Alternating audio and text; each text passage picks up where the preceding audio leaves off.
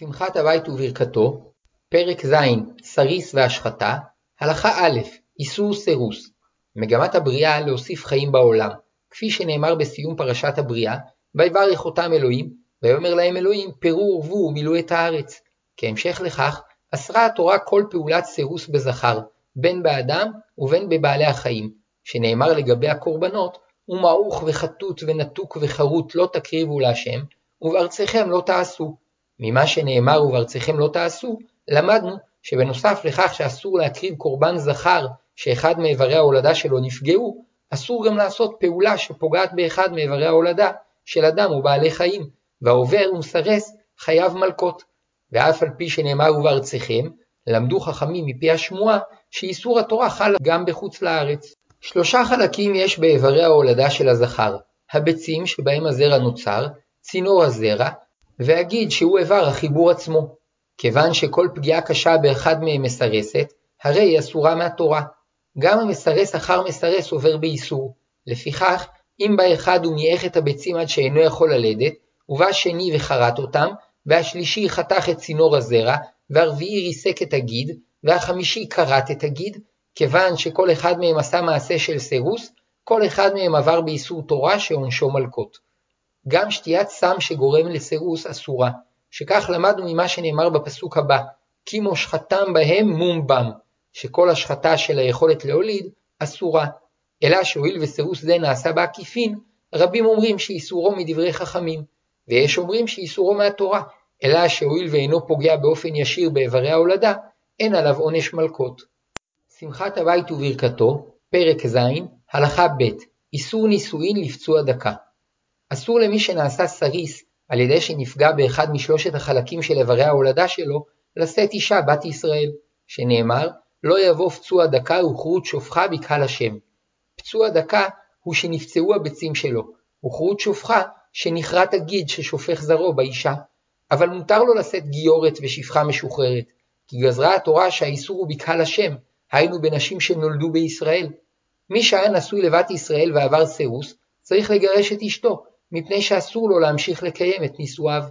האיסור הוא על פצוע דקה וכרות שופחה, היינו על מי שנעשה סריס עקב חבלה מכוונת או פציעה שנגרמה על ידי אדם בלא כוונה, כמו בתאונת דרכים. אבל מי שנעשה סריס בידי שמיים, כגון שנולד כך ממעי אמו, רשאי לבוא בקהל, ואף שאינו יכול להוליד, ובדרך כלל גם אינו יכול לקיים את החיבור עם אשתו, אם מצא אישה שהסכימה להינשא לו, דינם כדין זוג נשוי לכל דבר. מצווה זו היא חוק אלוקי, שאיננו יכולים להבין את מלוא משמעותו. אולם אפשר ללמוד ממצווה זו על החשיבות הגדולה של מצוות פור ורבו, שהיא עיקר תכלית הנישואין, וכיוון שהסריס אינו יכול להוליד, נאסר לבוא בקהל. בנוסף לכך, בדרך כלל הסריס אינו יכול לקיים את מצוות עונה, ויש חשש שמא מתוך מצוקתה של אשתו תבוא לידי זנות, וכדי למנוע זאת, אסרה התורה על בת ישראל להינשא לו. עוד טעם למדנו במצווה זו, שעל ידה הורחקו ישראל מאוד מהסירוס. בעבר היו המלכים רגילים לסרס זכרים כדי למנותם לתפקידי שרים, פקידים ושומרים לנשים, מפני שסמכו יותר על נאמנותם, והיו זכרים שסרסו את עצמם, ולעיתים הוריהם עשו זאת להם בעודם ילדים, כדי שיוכלו להתמנות לתפקידים ממלכתיים. גם היום יש שפוגעים ביכולתם ללדת, כדי שיוכלו לנאוף כאוות נפשם. מכל זה הרחיקה אותנו התורה באיסור סירוס. אבל מי שנעשה סריס בידי שמיים, כיוון שהדבר הראה לו בלא שום פשע או חשש רשלנות, לא אסרה עליו התורה לבוא בקהל. שמחת הבית וברכתו, פרק ז', הלכה ג' המותר והאסור בדין זה. כפי שלמדנו, האיסור הוא שיישא הסריס בת ישראל, אבל מותר לו לשאת גיורת ושפחה משוחררת.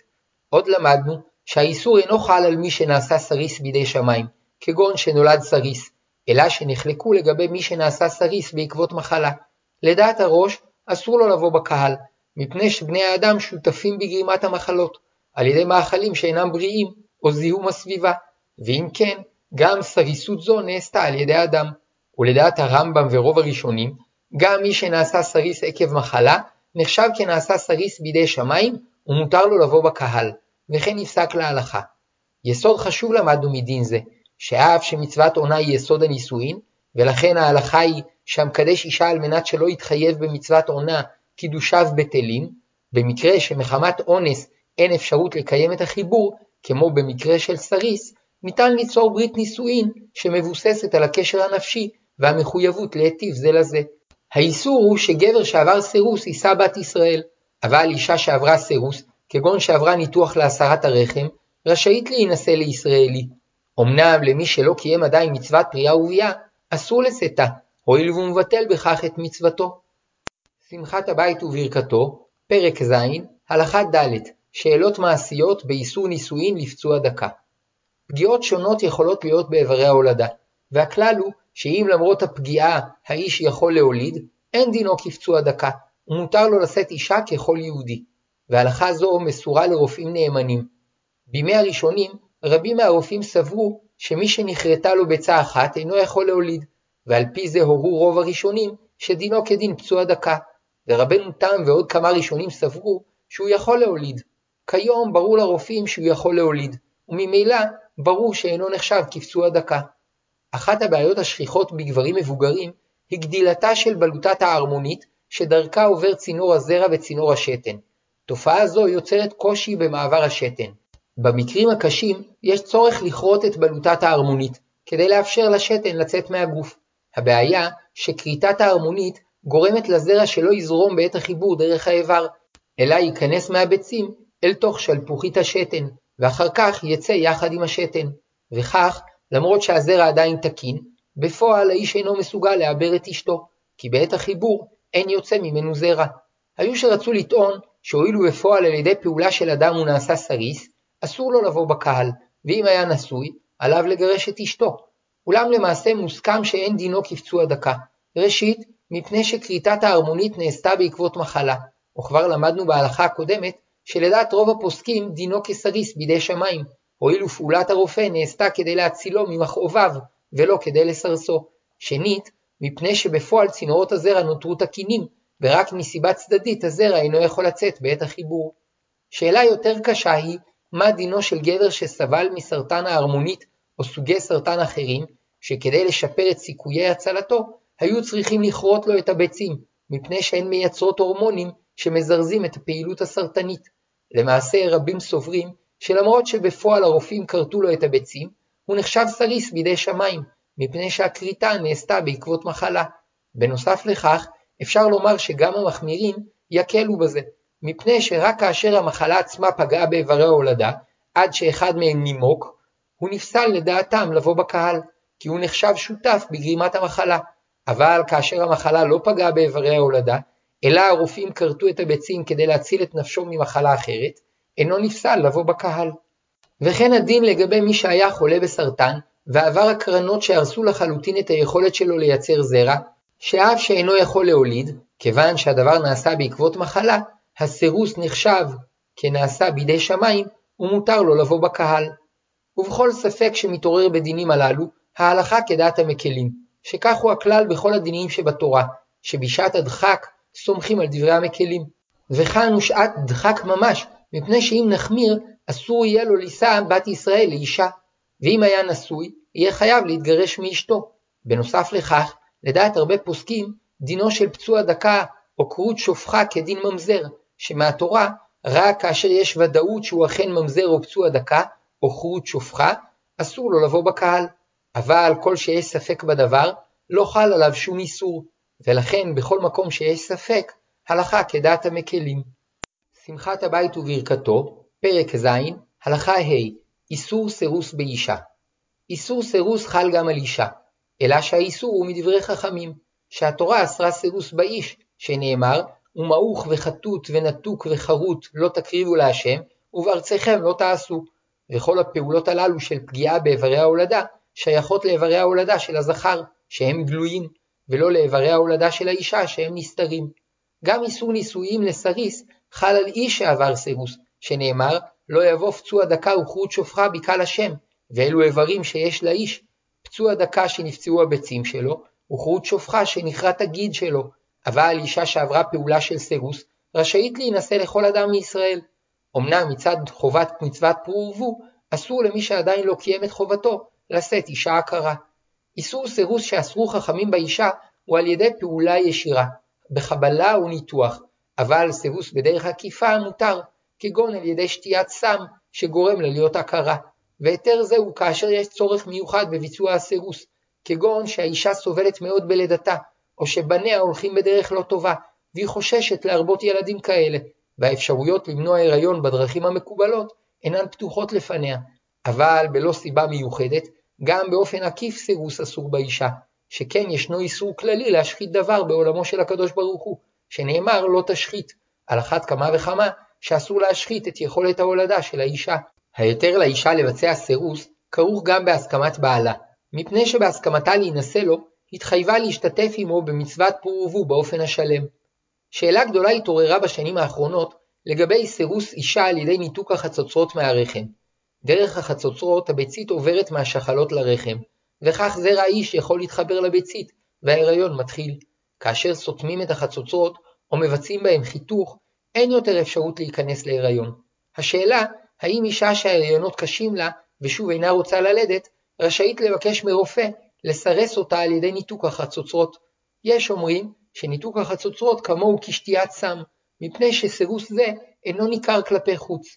בנוסף לכך, הוא אינו סירוס מוחלט, כי על ידי ניתוח נוסף אפשר לעתים להחזיר את החצוצרות לפעילות סדירה, וגם אם לא, אזי אפשר ליטול את הביצית ישירות מהשחלה, להפרוטה בזרעו של האיש במבחנה, ולהחזיר לרחמה של האישה.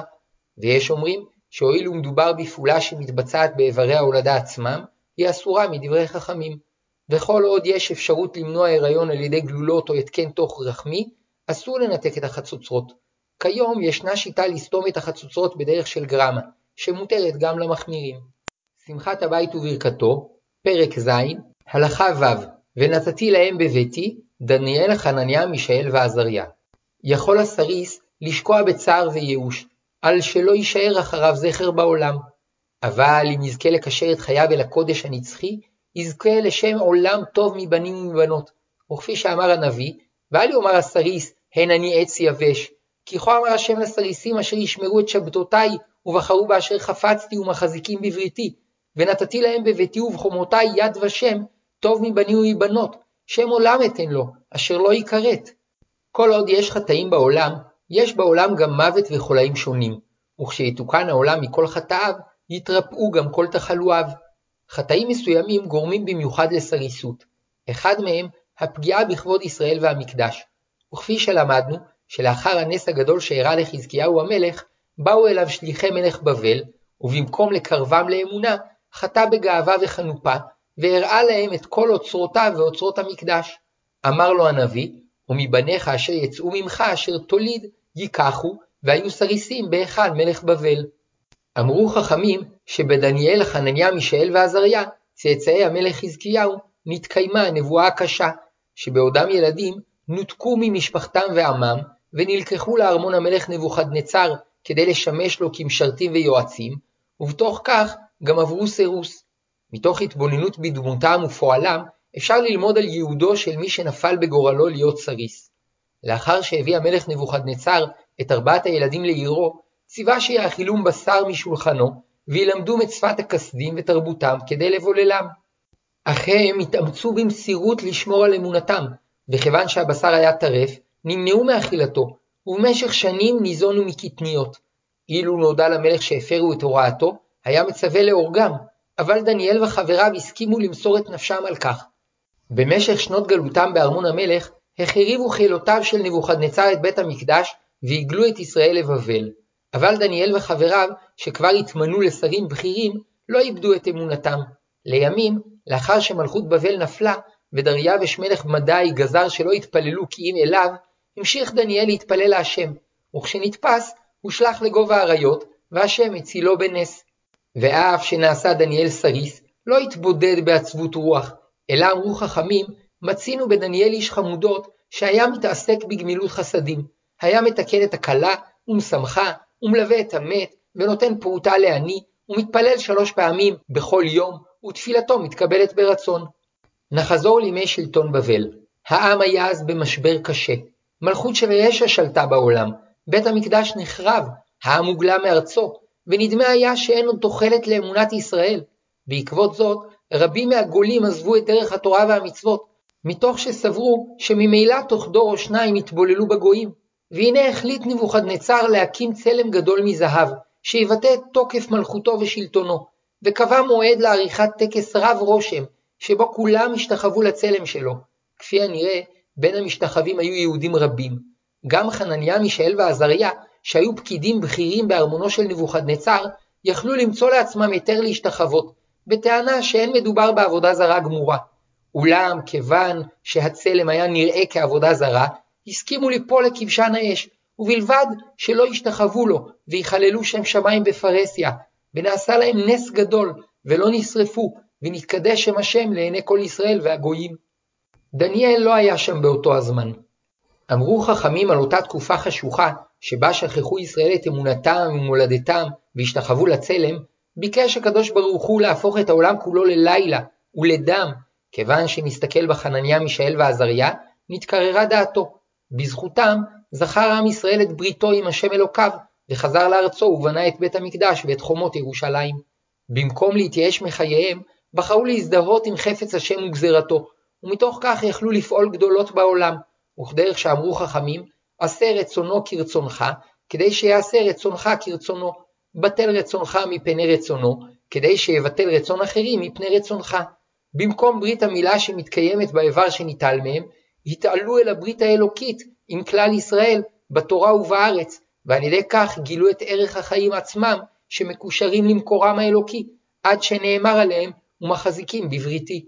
מחייהם ופועלם של דניאל, חנניה, מישאל ועזריה, אפשר ללמוד שלפעמים דווקא הסריסים יכולים להתקשר באמונתם אל עצם החיים, אל מעבר לחיי ההווה הכרוכים בדאגה למשפחה ולילדים, אל האמונה הטהורה שאינה תלויה בדבר, ומתוך כך הם יכולים למסור את נפשם על גילוי הברית שבין השם לישראל, ועל ידי כך העולם כולו מתקיים, וישראל חוזרים לארצם, ובונים את ירושלים והמקדש.